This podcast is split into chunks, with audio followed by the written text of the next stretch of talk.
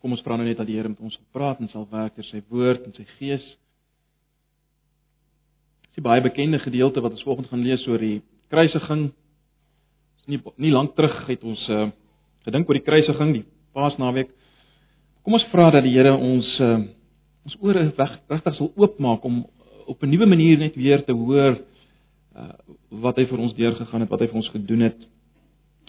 Ehm um, ons is so afhanklik van die Here om sy woord te gebruik in ons lewens, ons harte te verander, nê, nee, ons denke te verander. Kom ons word vir 'n oomblik stil en ons vra dat juist dit sal doen vanoggend. Ja Here, ons kom na U toe.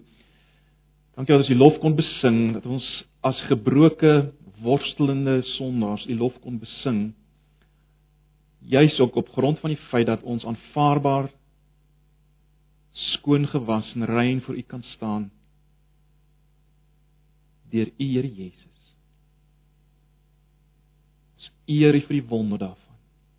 Here, ons is net meer en meer verstom en verbuisterd oor die feit dat U hoegenaamd aangaan met ons, voortgaan met ons.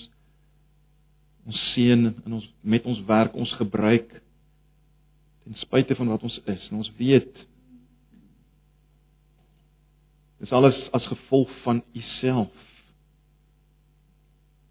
wat U gedoen het in ons plek. Ons dankie daarvoor. Ons dankie dat ons verlossing vanoggend vas en seker is. Nie omdat ons so getrou is nie, maar omdat U die getroue priester was en steeds is. U wat steeds vir ons intree. Ons dankie daarvoor. Ons eer U daarvoor. Ag Here, ons wil nou net vra dat U vanoggend Ons sal help om te hoor wat ons moet hoor opnuut. Dat ons harte maar net weer na vanoggend sal oorloop in dankbaarheid vir dit wat U vir ons gedoen het. En ja, Here, dat dit ons lewens sal aanraak, ons manier van dink, doen, wat ons doen met ons lewens. Asseblief, ons vra dit in Jesus se naam. Amen. Nou ja, ek dink ons uh, Ons is vanoggend by die tweede laaste boodskap oor Markus. Markus hoofstuk 15. Vir my persoonlik 'n wonderlike ervaring gewees om weer deur Markus te werk en uh, net weer nuwe dinge raak te sien op 'n nuwe manier. En ek vertrou elkeen van julle wat wat in die selgroepe was en daarmee besig was, sal dieselfde kan sê. Markus 15, kom ons lees vanaf vers 21. In vers 20 het ons gesien hoe hulle nou Jesus bespot het, 'n pers mantel uh uitgetrek het, weer van klere aangetrek het en hom om weggelei het om gekruisig te word.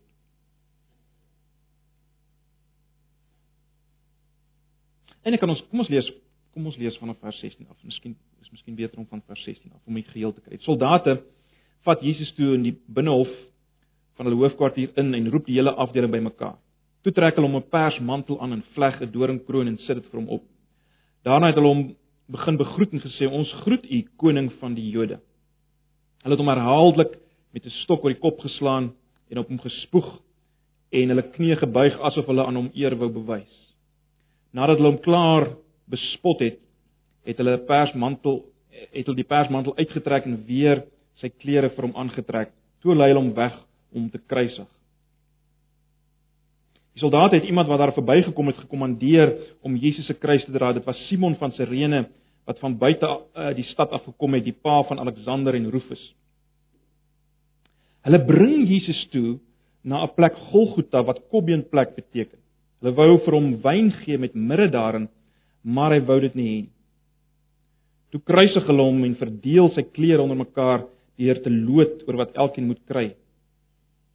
Dit was 9 uur die môre. Nou as jy die 83 vertalings het, sal jy sien en en, en ek sal net nou wys hoekom dit belangrik is.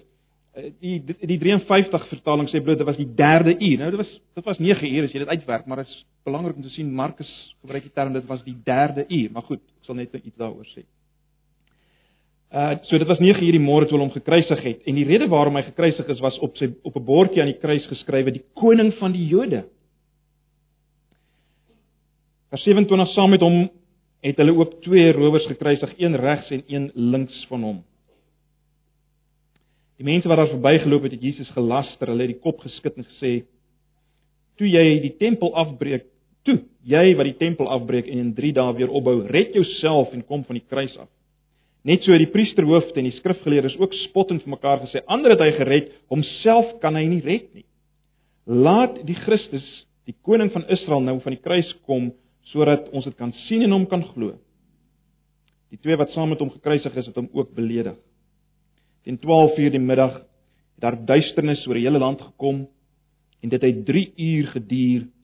Om 3 uh, eh, om 3 uur het Jesus hard uitgeroep: Eloi, Eloi, lema sabachthani. Dit beteken my God, my God, waarom het U my verlaat? 'n Party van die mense wat daar staan, wat daar naby gestaan het, het hoor sê hulle, hoor daar hy roep vir Elia. Een van hulle het toe gehardloop en 'n spons en suurwyn gesteek en dit vir hom op 'n stok gehou om te drink.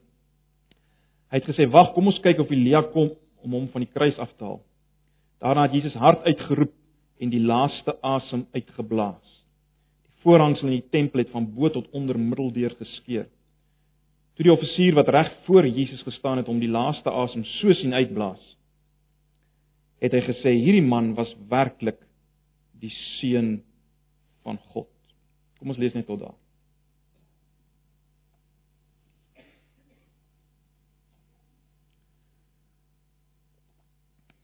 Nou ek dink julle weet almal dat 'n mens na enige saak op twee maniere kan kyk, né? Nee. Uh enige saak het twee perspektiewe of meer uh wat gelig kan word op op 'n sekere saak. En dieselfde is waar met die kruisiging van Jesus. Daar's twee maniere om daarna te kyk. Daar's twee perspektiewe. Op alles wat daar gebeur. Op alles wat gebeur het tydens sy kruisiging, alles waarvan ons nou gelees het.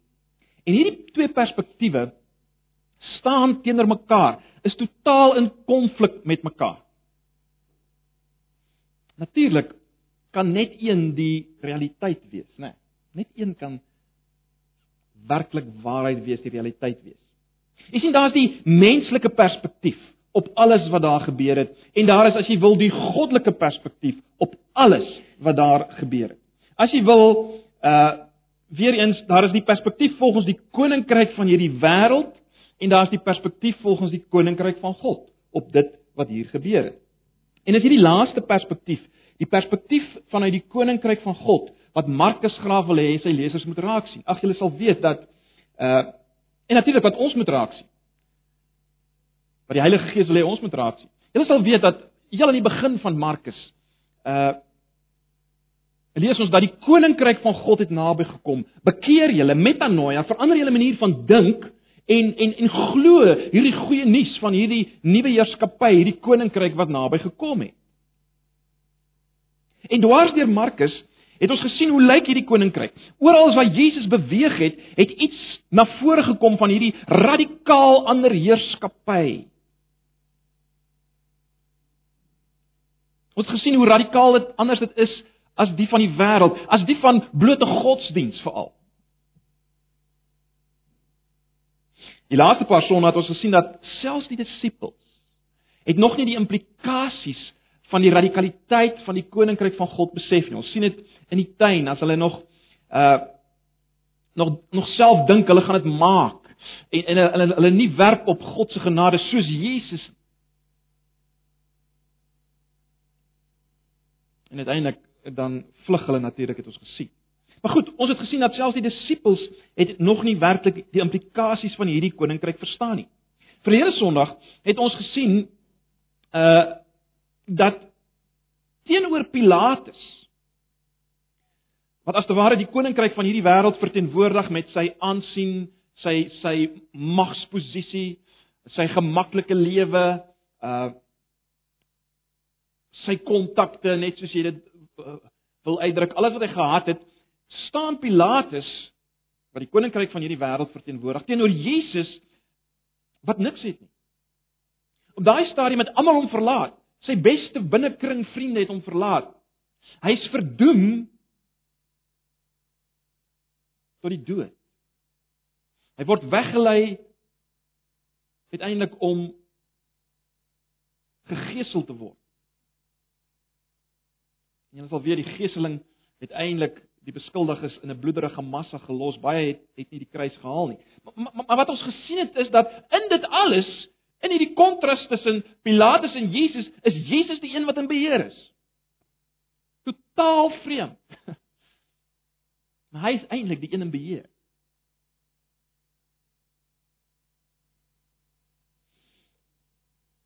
radikale ander koninkryk. En en nou as ons kom by die kruis, is hierdie kontras natuurlik op sy duidelikste.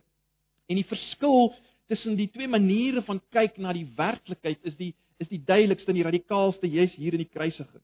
En en is juis in hierdie geweldige kontras. Dis juis in hierdie kontras waar die waar die krag lê van die die boodskap van die kruis, né? Nee. Tacitus, 'n Romeinse historikus, het geskryf oor oor Judea gedurende die tyd van Jesus se lewe en sy bediening en sy verhoor, sy kruisiging en sy opstanding. En hy het die volgende gesê, het gesê nothing of significance happened in that time during those days. Nothing of significance. Dis in dis die wêreldse perspektief op wat daar gebeur het. Wat ons moet sien vanoggend is dat God se perspektief radikaal hierteenoor staan. En wat jy jouself vanoggend moet afvra is dit. In jou gedagtes, in jou optrede, in jou emosies, skaar jy jou eintlik nog by hierdie Romeinse historikus se stelling of skaar jy jou by God se perspektief? Het jy al het jy al God se perspektief en leef jy in die lig van God se perspektief op dit wat hier gebeur het? Dis dis die uitdaging. En en dit was die uitdaging aan die eerste lesers, dis die uitdaging aan ons. Leef ons in hierdie tweede perspektief, God se perspektief op alles wat hier gebeur het. So kom ons kom ons kyk na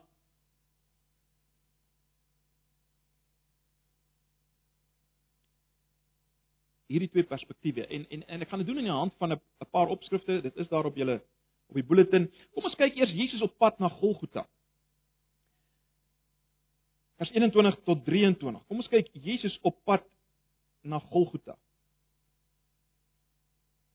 Wat ons kry daar in vers 21 tot 23.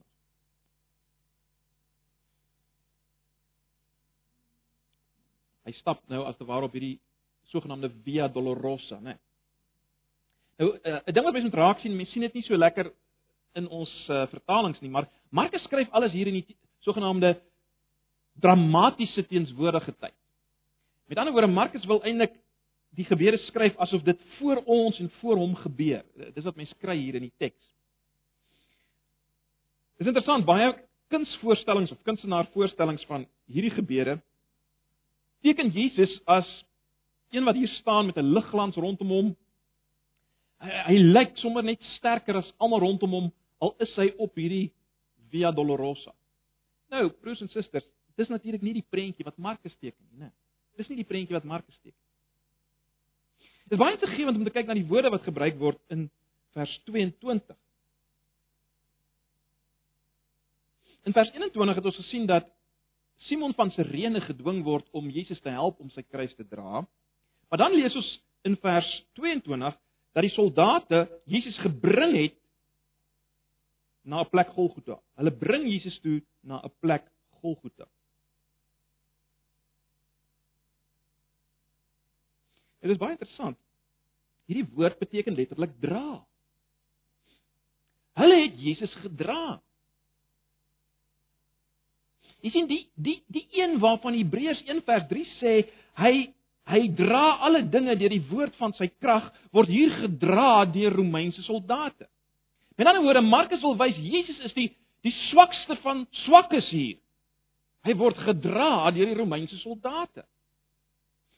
As jy nou Jesus gaan vergelyk met uh Griekse helde soos Achilles en Paris en Hercules, uh hoe hulle gesterf het en, en jy vergelyk selfs uh Jesus se sterwe met met met latere Christene soos Polycarpus van Smyrna, dan's daar reuse verskil. Hierdie ouens het hulle dood geweldig triomfantlik ontmoet. Jesus nie.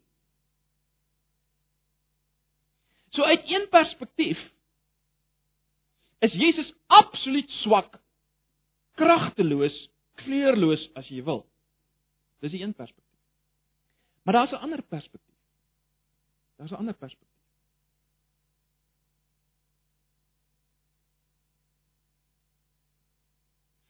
In vers 23 sien ons dat Jesus weier om uh die wyn met mirre wat hulle vir hom gee te drink. Nou dit was 'n 'n soort van 'n as jy wil 'n uh, verdowingsdrankie, narkotiese verdowingsdrankie wat van die pyn sou wegneem. Maar Jesus weier om dit te drink. Jesus weier om dit te drink.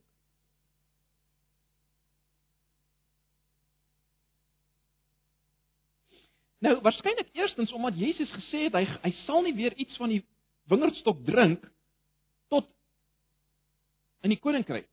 Dis waarskynlik een rede hoekom hy dit nie drink nie, maar daar's iets meer. Jy sien wat ons hier moet sien is dit. Hierdie hierdie swakheid, hierdie kragteloos van kragteloosheid van Jesus is gekies. En dit wys natuurlik weer eens juis sy krag in hierdie swakheid, né? Nee.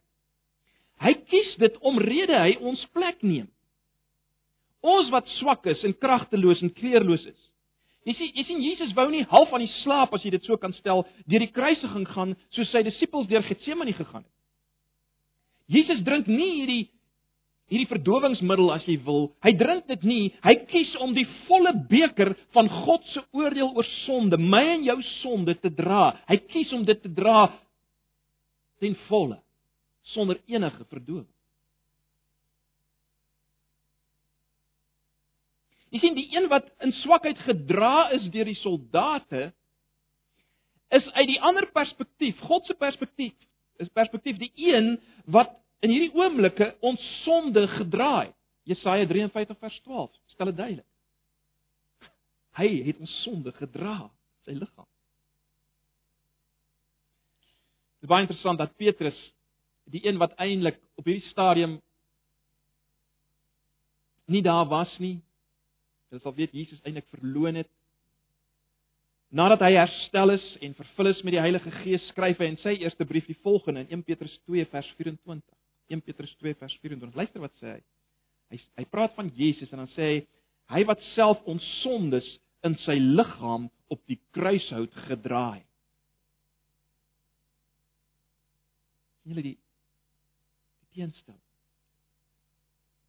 In sy swakheid draai ons sondes.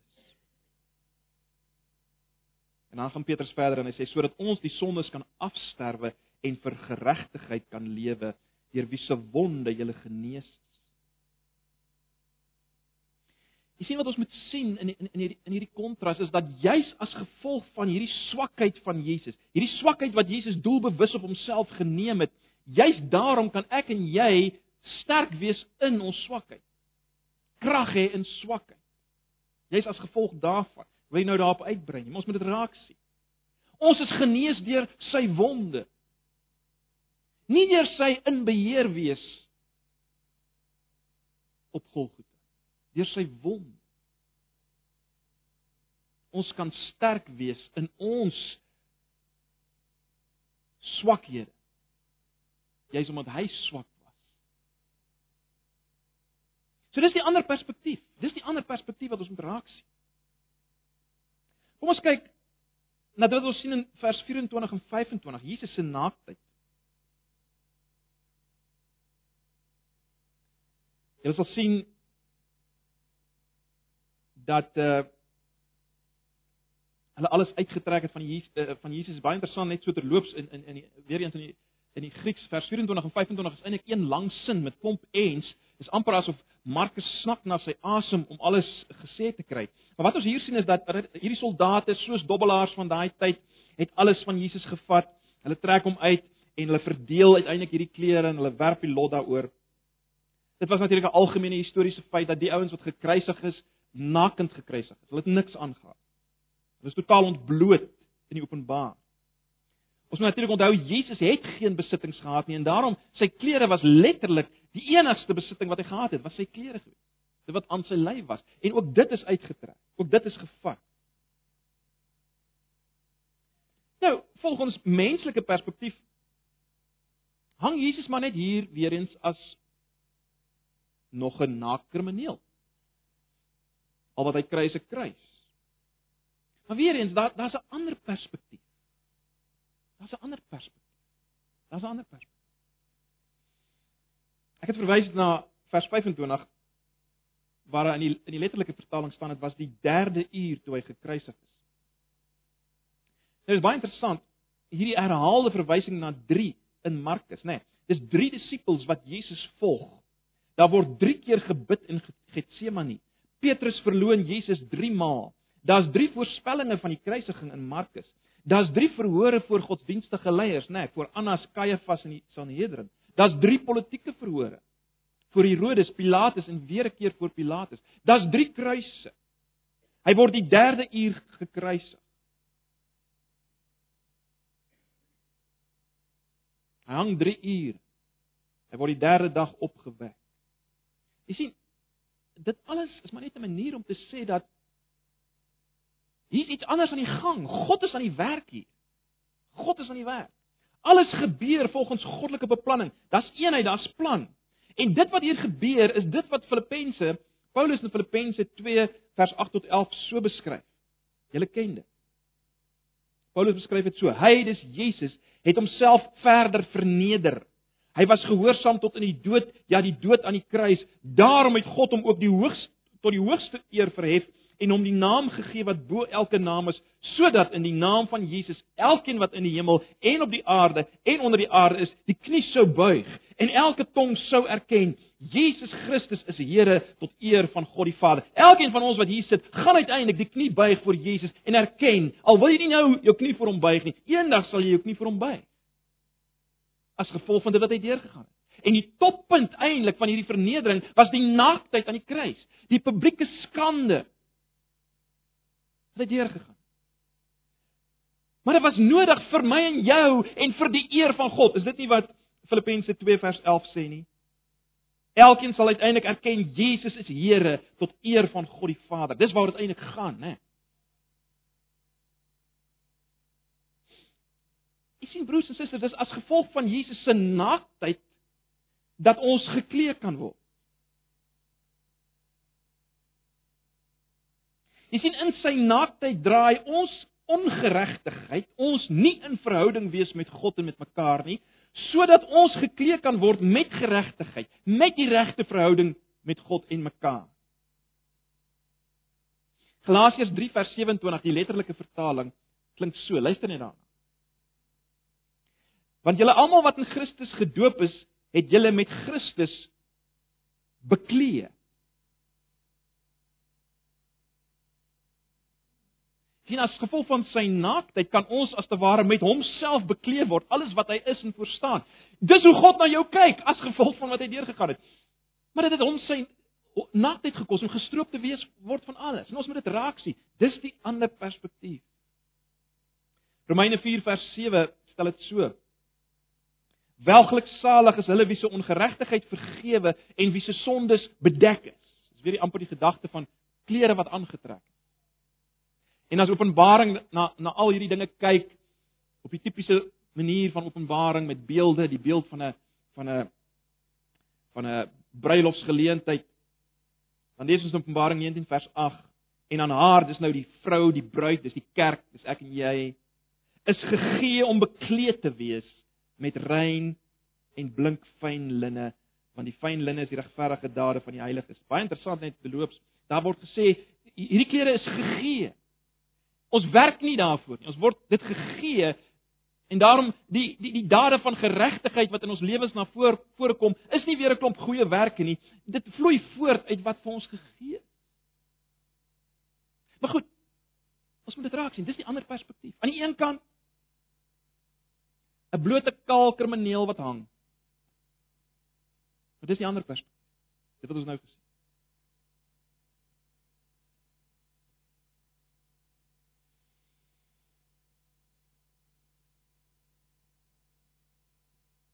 Kyk na hierdie hele gedagte van die koning van die Jode wat na vore kom in hierdie hele gedeelte. Uh kom al voor in vers 17 tot 20 en ook in vers 26. Vers 17 tot 20 en vers 26.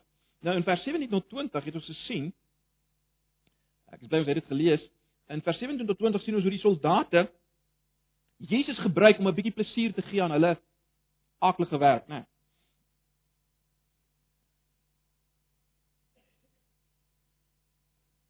Hulle trek hom pers aan. Nou dis natuurlik 'n koningskleur. Hulle sit hom 'n kroon op die kop, 'n kroon van dorings. En dan uh, begroet hulle hom as te ware alles absoluut absoluut spottenderwys, né? Nee. Ons groet u koning van die Jode. Dis vers 17 tot 20. Dan in vers 26 sien ons hoe daar op die bordjie uh, nou daar's gewoonlik blykbaar die die die die die misdaad van die ou wat gekruisig word geskryf op 'n bordjie en dan is dit bo sy kop gesit. Op Jesus se bordjie staan geskrywe die koning van die Jode. Die koning van die Jode.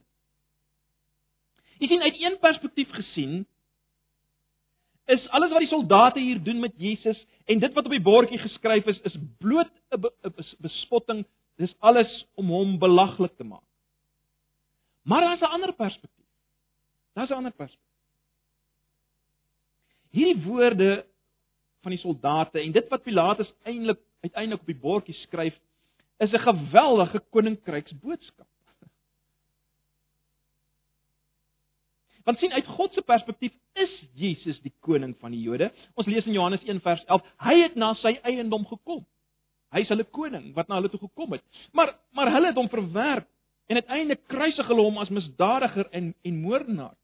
Maar en dis die ongelooflike van hierdie ander perspektief hierdie paradoksale waarheid wat uitkom.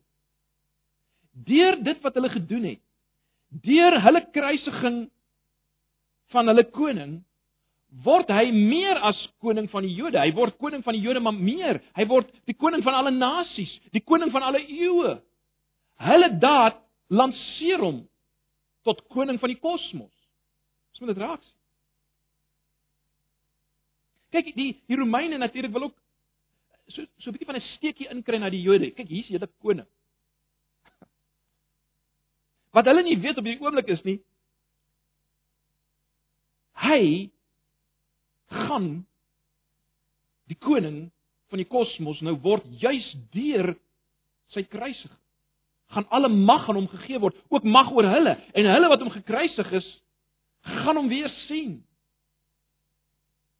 Hulle sal uiteindelik moet staan voor hierdie een wat hulle gespoeg gespoeg het en gekruisig het. Hulle gaan moet rekenskap gee aan hom, want hy is die koning van die Jode. Maar ook die koning van alle nasies. Hy's meer as dit.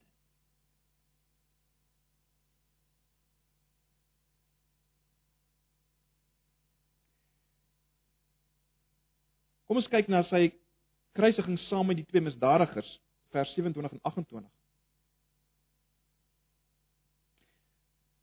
Nou weer eens uit een perspektief is Jesus maar net weer eens gelyk aan 'n misdadiger en daarom is daar 'n misdadiger aan sy linkerkant en 'n misdadiger aan sy regterkant wat hy saam met hulle. Maar jy sien daar's 'n ander perspektief. Ons het reeds verlede keer gesien dat Jesus as te ware die plek vat van die veroordeelde Barabbas. Wie se naam sou julle onthou baie ironies ook beteken seun van die Vader. Jesus die ware seun van die Vader neem Barabbas se plek, die misdadiger se plek en ons het mekaar gesê Barabbas verteenwoordig eintlik ons almal soos ons hier sit. En nou word Jesus tussen misdadigers gehang. Nou hier is 'n verskil in die vertalings. Jy sal sien in vers 28 van die 53 vertaling lees ons soos dan die skrif vervul naamlik dat hy saam met misdadigers gereken gaan word en jy sal sien in die 83 vertaling is dit uitgelaat. Nou Die rede daarvoor, ek wil nie nou lank daarop ingaan nie, is, is maar net van die nuwere manuskripte uh het nie hierdie gedeelte in nie. Die gedeelte dat soos die skrif vervul dat hy saam met misdadigers gereken sal word. Die skrif wat natuurlik verwys na Jesaja weer eens 53 vers 12. Nou, in 'n sekere sin is dit irrelevant of of of dit in is of nie, want dit is presies wat gebeur het. Uh Dis dis dis die punt uit die goddelike perspektief. Hy is saam met misdadigers gereken ter wille van ons in ons plek. Hy het die skrif so vervul Jy sien hy moes behandel word net soos 'n misdadiger om my en jou te red, want al sit ons hier baie vroom en baie mooi, het ons mekaar verlede Sondag al gesê, as jy jou broer haat, is jy 'n moordenaar. As jy na 'n vrou kyk en na begeer, is jy 'n egbreker. En dis wat ons sit, ons sit hier as moordenaars en egbrekers, misdadigers. As Jesus nie gereken is saam met die misdadigers nie, dan was daar geen hoop vir my en jou. Geen hoop. So daar's die ander perspektief. Aan die een kant, maar net nog 'n misdadiger, aan die ander kant, saam met die misdadigers vir my en jou. En dan is daar dit wat ons kry in vers 29, die skare en en hierdie hele wat ek wil noem die tempelbespotting. In vers 29 sien ons hoe die skare Jesus verkeerdelik aanhaal as sou hy gesê het uh hy gaan die tempel afbreek en in 3 dae opbou. Nou natuurlik is dit nie presies wat hy gesê het nie. Hy het gesê breek hierdie tempel af en ek sal dit in 3 dae opbou. So uit een perspektief weer eens bloot ouens wat 'n bespotting maak, ouens wat se feite bietjie deurmekaar is, wat 'n bespotting maak van die persoon wat gekruisig word. Dis al. Maar daar's 'n ander perspektief, is daar nie? Ons weet dat Johannes in sy evangelie in Johannes hoofstuk 2 nadat Jesus hierdie uitspraak gemaak het, breek die tempel af en in 3 dae sal ek dit opbou, dan maak Johannes die skrywer die opmerking en Jesus het van sy liggaam gepraat.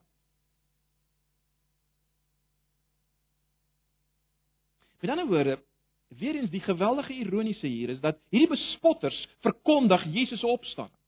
Die bespotters verkondig Jesus se opstanding. sien julle dit? Hoekom sê ons so? Wel, as Jesus met die tempel homself bedoel, sy liggaam, dan was hierdie tempel op hierdie oomblik besig om afgebreek te word. Dink daaraan die rowwe metaal spykers wat geslaan is deur die dele van sy liggaam en die meeste sene wees sy hande en sy voete. Die ondraaglike pyn aan die kruis wat opgeruk is in 'n gat. Jesus was besig om letterlik te versmoor. Gewoonlik op hierdie stadium het het die wat gekruisig is totaal beheer verloor oor hulle liggaamlike funksies. Die tempel was besig om afgebreek te word. Die tempel was besig om afgebreek te word, maar oor 3 dae sou hy opstaan met 'n nuwe liggaam, die nuwe tempel. sien julle die ironie? sien julle die twee perspektiewe?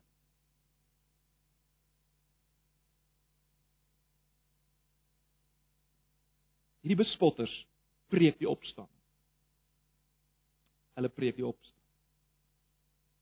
En dan is daar in vers 21, ag vers 31, die hoofpriesters en die skrifgeleerdes wat sê hy kan homself nie red nie. Nou hierdie bespotting moes geweldig wees vir Jesus want hy het gekom as redder, hy het gekom as verlosser, as bevryder.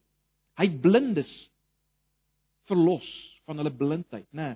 'n Melaatses bevry, sondaars vrygespreek maar hy kan homself nie uit hierdie situasie bevry nie. Uit een perspektief geweldig teleurstellend. Hy kan homself nie bevry nie. Hy kan homself nie eers red nie. Maar dan is daar natuurlik die ander perspektief. Hy kon homself nie bevry nie want hy wou jou red en my red. Hy kon ons nie red as hy homself bevry het nie. Want ons lewens verdien die dood. So hy kon homself nie red nie. As hy ons wou red.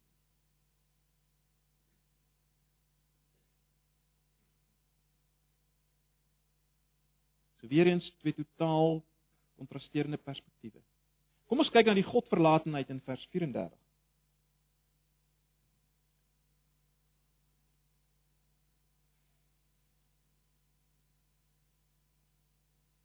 As Jesus uitroep, "My God, my God, waarom het U my verlaat? Dan lyk dit uit een perspektief of God werklik Jesus daar gelos het. Ek meen, waar is God? Nee. Dit lyk asof God nie werksaam is in hierdie oomblikke nie of hy onttrek het en meer nog, dit lyk asof Jesus totaal verras is deur hierdie onttrekking van God. Maar as 'n ander perspektief. En mens sien dit, mens sien dit eerstens uit die feit dat Jesus haal aan uit Psalm 22 vers 2. Letterlik die woorde my God my God waarom het U my verlaat kom uit Psalm 22 vers 2. So wat hier gebeur is weer eens binne God se plan. Dis 'n vervulling van die skrif. Maar natuurlik, sy uitroep getuig ook van absolute ontsaglike lyding wat hy deurgaan. Dit skeur uit sy binneste werklik. Sien maar net 'n rympie wat hy opsê omdat hy moes opsê nie. Dit skeur werklik uit sy binneste dit wat in die, in Psalm 22 beskryf word, die ontsaglike pyn. Dit skeur eers binne binneste my God, my God, waarom het U my verlaat? Want dit was ontsaglike pyn. Maar sê weer, dit was binne God se plan. Dit is geweldig interessant in Psalm 22 waar hierdie woorde van Jesus gevind word in vers 2. As mens verder lees in Psalm 22 vanaf vers 28 eh,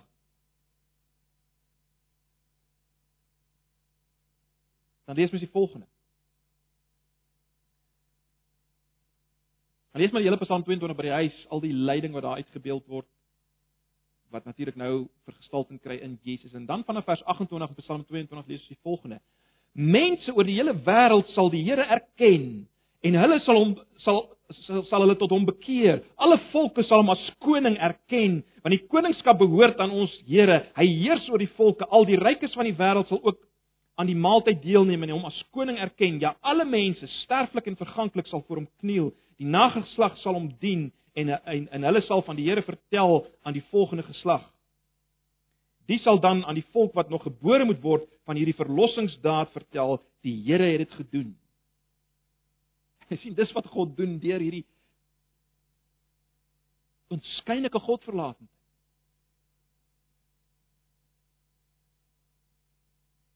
Hierdie pyn.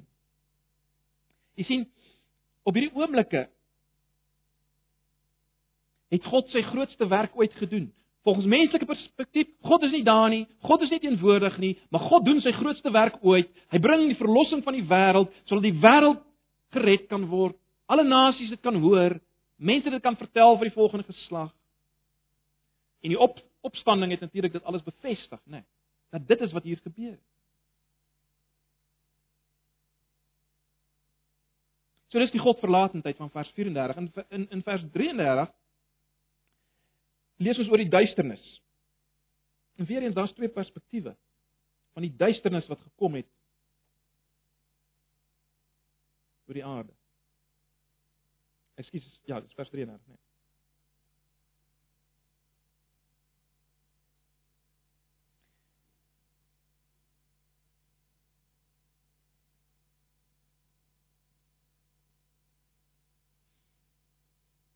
Nou uit een perspektief was hierdie duisternis wat gekom het in vers 33 was bloot duister. dit was net donker. Ek meen sulke dinge gebeur, dit word donker. Son kom agter wolke, dit raak donker. Dis een perspektief is bloot donker. Maar nou het ons al weet na die betekenisvolheid gekyk van die herhaling van die getal 3. En ons sien hier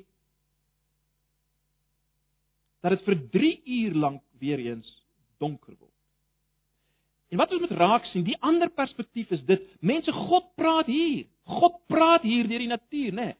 Die een wat mag het oor alle natuurverskynsels praat en wat sê God in hierdie oomblikke? Wel God sê dat in hierdie oomblikke van duisternis is die toestand van die wêreld soos voor die skepping. Dis duisternis want die een wat ware lig is, die een wat ware lewe is, is in die graf. Maar Juis omdat daar nou duisternis is, kan daar nou 'n nuwe skepping kom. En dis wat gaan kom as dit lig word op die opstanningsdag. Maar jy sien weer eens uit die een perspektief bloed donker.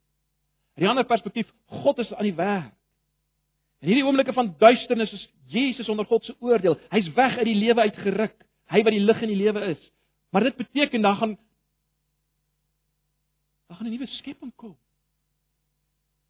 Daar gaan 'n nuwe skepping kom. Dit dit wat hy gedoen het. En dit bring ons by die skeur van die voorhangsel in vers 38 nou. Ons het al baie hieroor gepraat. Ek gaan nou nie lank daarop uitbrei nie. Weerens uit een perspektief totaal toevallig en onbelangrik. Ek meen ons lees veral in die ander evangelies die, die daar was aardbewings en uh, al hierdie gebeure kom maak dat die gordyns blootskeur. So wat? gordyn het geskeur. Maar daar's 'n ander perspektief, né? Nee, daar's 'n ander perspektief. En ons wat Hebreërs gedoen het, uh, ken natuurlik daai perspektief. Luister net weer na Hebreërs 10 vers 19 en 20. Hebreërs 10 vers 19 en 20. Broers, ons het dus nou deur die bloed van Jesus vrye toegang tot die heiligdom en dit op 'n weg wat nuut is en na die lewe lei. Hierdie weg het hy vir ons gebaan deur die voorhangsel heen. Dit is deur sy liggaam.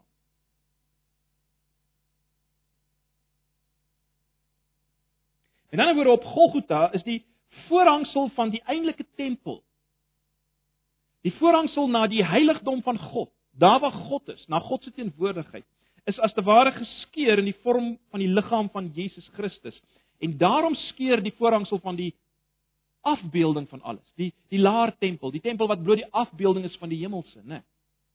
Daarom skeur daardie gordyn, want wat nou verkondig word is dat die pad is oop na God se teenwoordigheid, die ware heiligdom.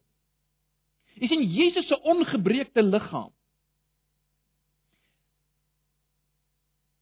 was as te ware die gordyn wat gekeer het dat ek en jy vrye toegang tot God kan kry. Maar nou dat sy liggaam gebreek is in my en jou plek vir ons sonde, kan ons toegang verkry. Sy liggaam wat geskeur het, maak die pad oop na die allerheiligste, na die heiligdom. Want jy sien, hy het as hoëpriester nie net 'n offer gebring nie, maar homself. Op hom is gelaai my en jou sonde en ongeregtigheid, my en jou liefdeloosheid teenoor God en teenoor mekaar is op hom gelaai. God tref hom. Die kruis was as te ware die hout waarop hy geoffer is.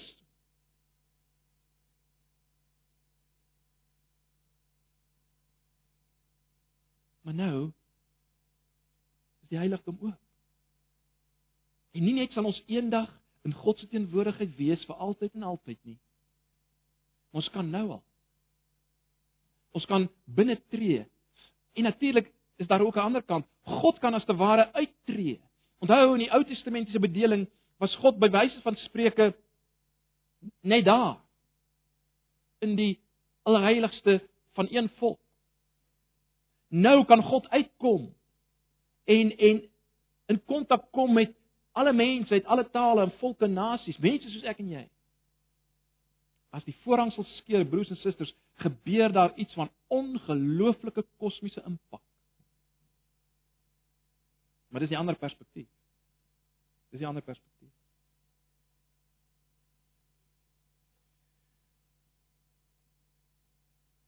Dit 'n laaste saak wat twee kante het. Vers 39, die soldaat se belydenis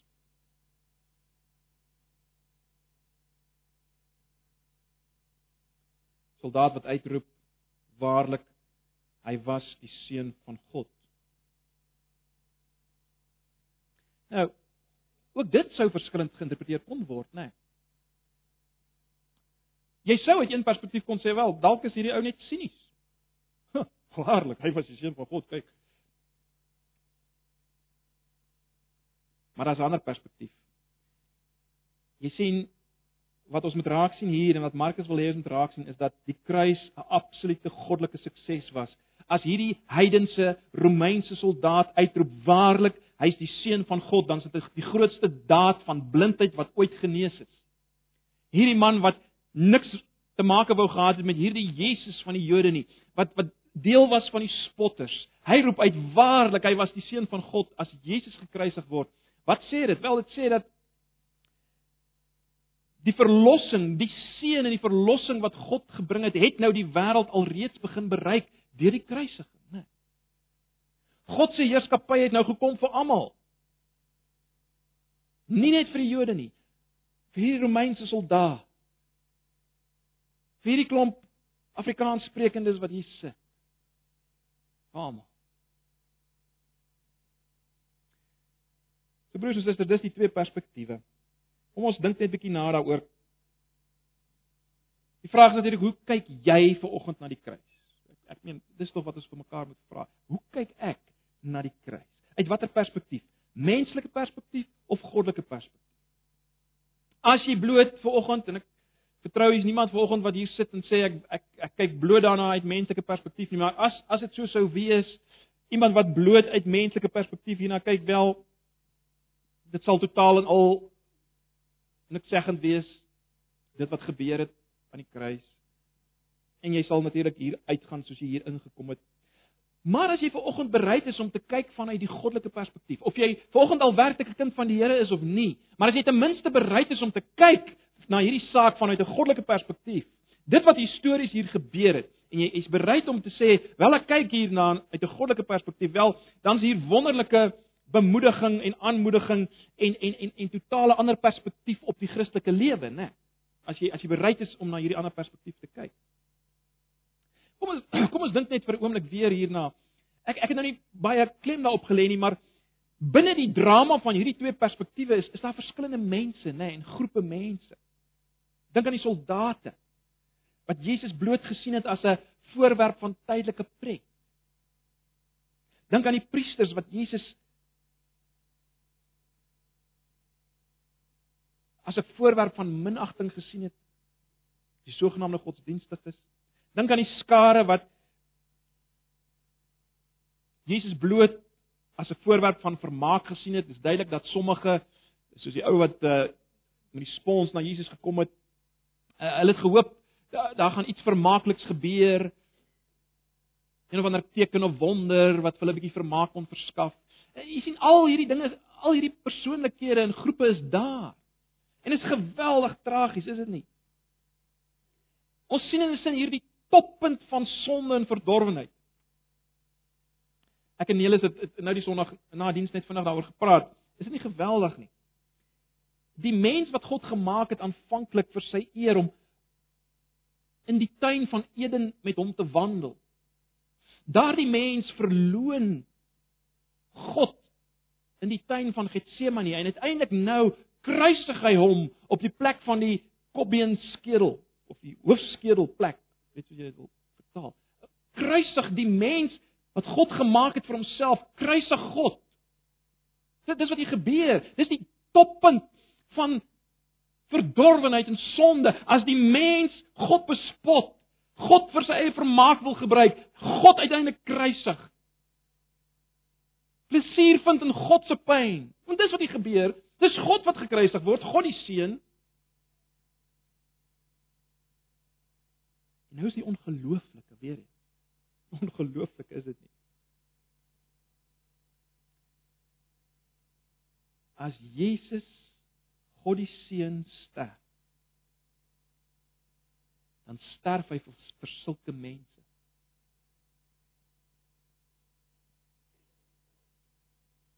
Want ek en jy deel hieraan op 'n of ander manier. Moenie dink jy's onskuldig volgens.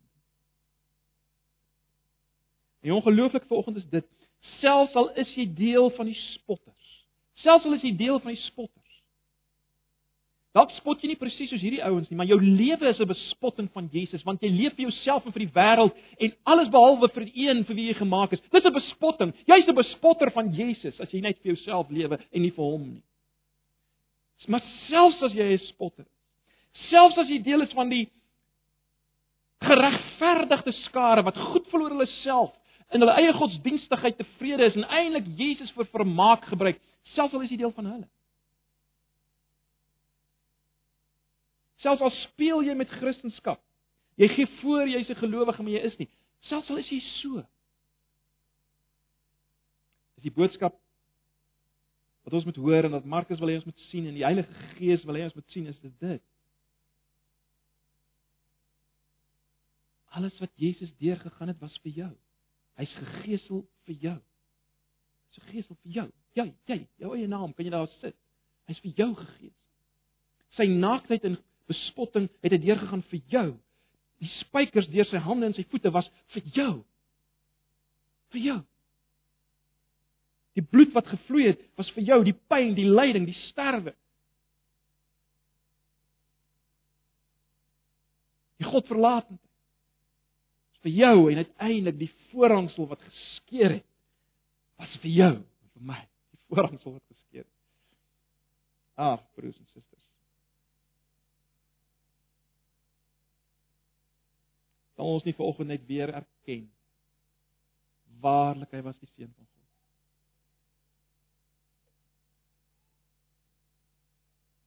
Dalk vir die eerste maal moet jy vanoggend erken waarlik hy was die seun van God. Hy het dit vir my gedoen. Ek kniel voor hom, ek buig voor hom. Dalk vir die eerste keer in jou lewe werklik doen dit vir hom. En as jy reeds daar is, sien ook vanoggend die totale andersheid weer eens van die Christelike pad. Totaal anders. Die koninkryk van God totaal anders. Die pad van oorwinning Die pad van groot wees in die Christelike lewe is nie 'n pad van krone nie, dis 'n pad van die kruis, nê. Nee. Maar dis die krag van God. Dis ware oorwinning. En ek het dit al baie gesê en ek sê dit weer, wat ons moet onthou in die Christelike lewe is dat dit wat op Golgotha gebeur het, gebeur so dikwels in ons lewens. Dit lyk asof God nie werksaam is in my lewe nie. Ek kyk na alles wat in my lewe gebeur, al die hartseer, al die pyn, al die siekte, al die swaar kry. Waar is God in my lewe? Sien wat gebeur het op Golgotha en weet juis waar dit voel asof God nie werk nie, daar is hy waarskynlik besig met sy grootste werk in jou lewe. Hy is daar, hy werk so. Dis die paradoks van die kruis. Hy werk so. Dis die Christelike lewe. Word bemoedig daardeur vanoggend. Word versterk daardeur vanoggend. Kom ons bid saam.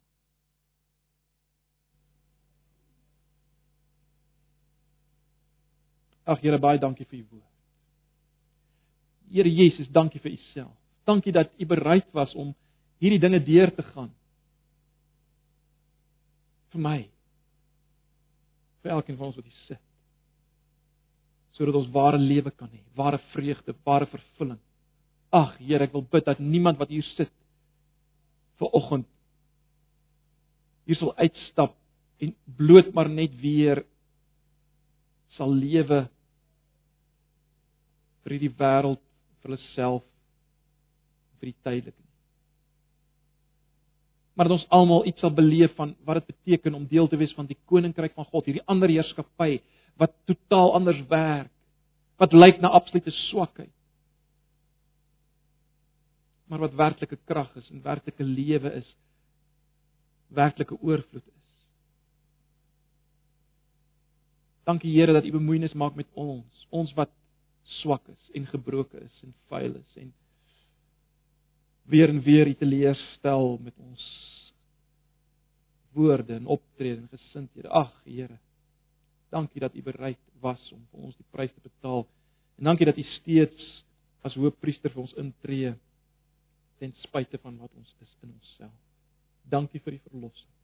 Ons eer U daarvoor in Jesus se naam. Mag die genade van ons Here Jesus en die liefde van God, die gemeenskap van sy Heilige Gees met julle wees en bly hierdie dag en hierdie week. Amen.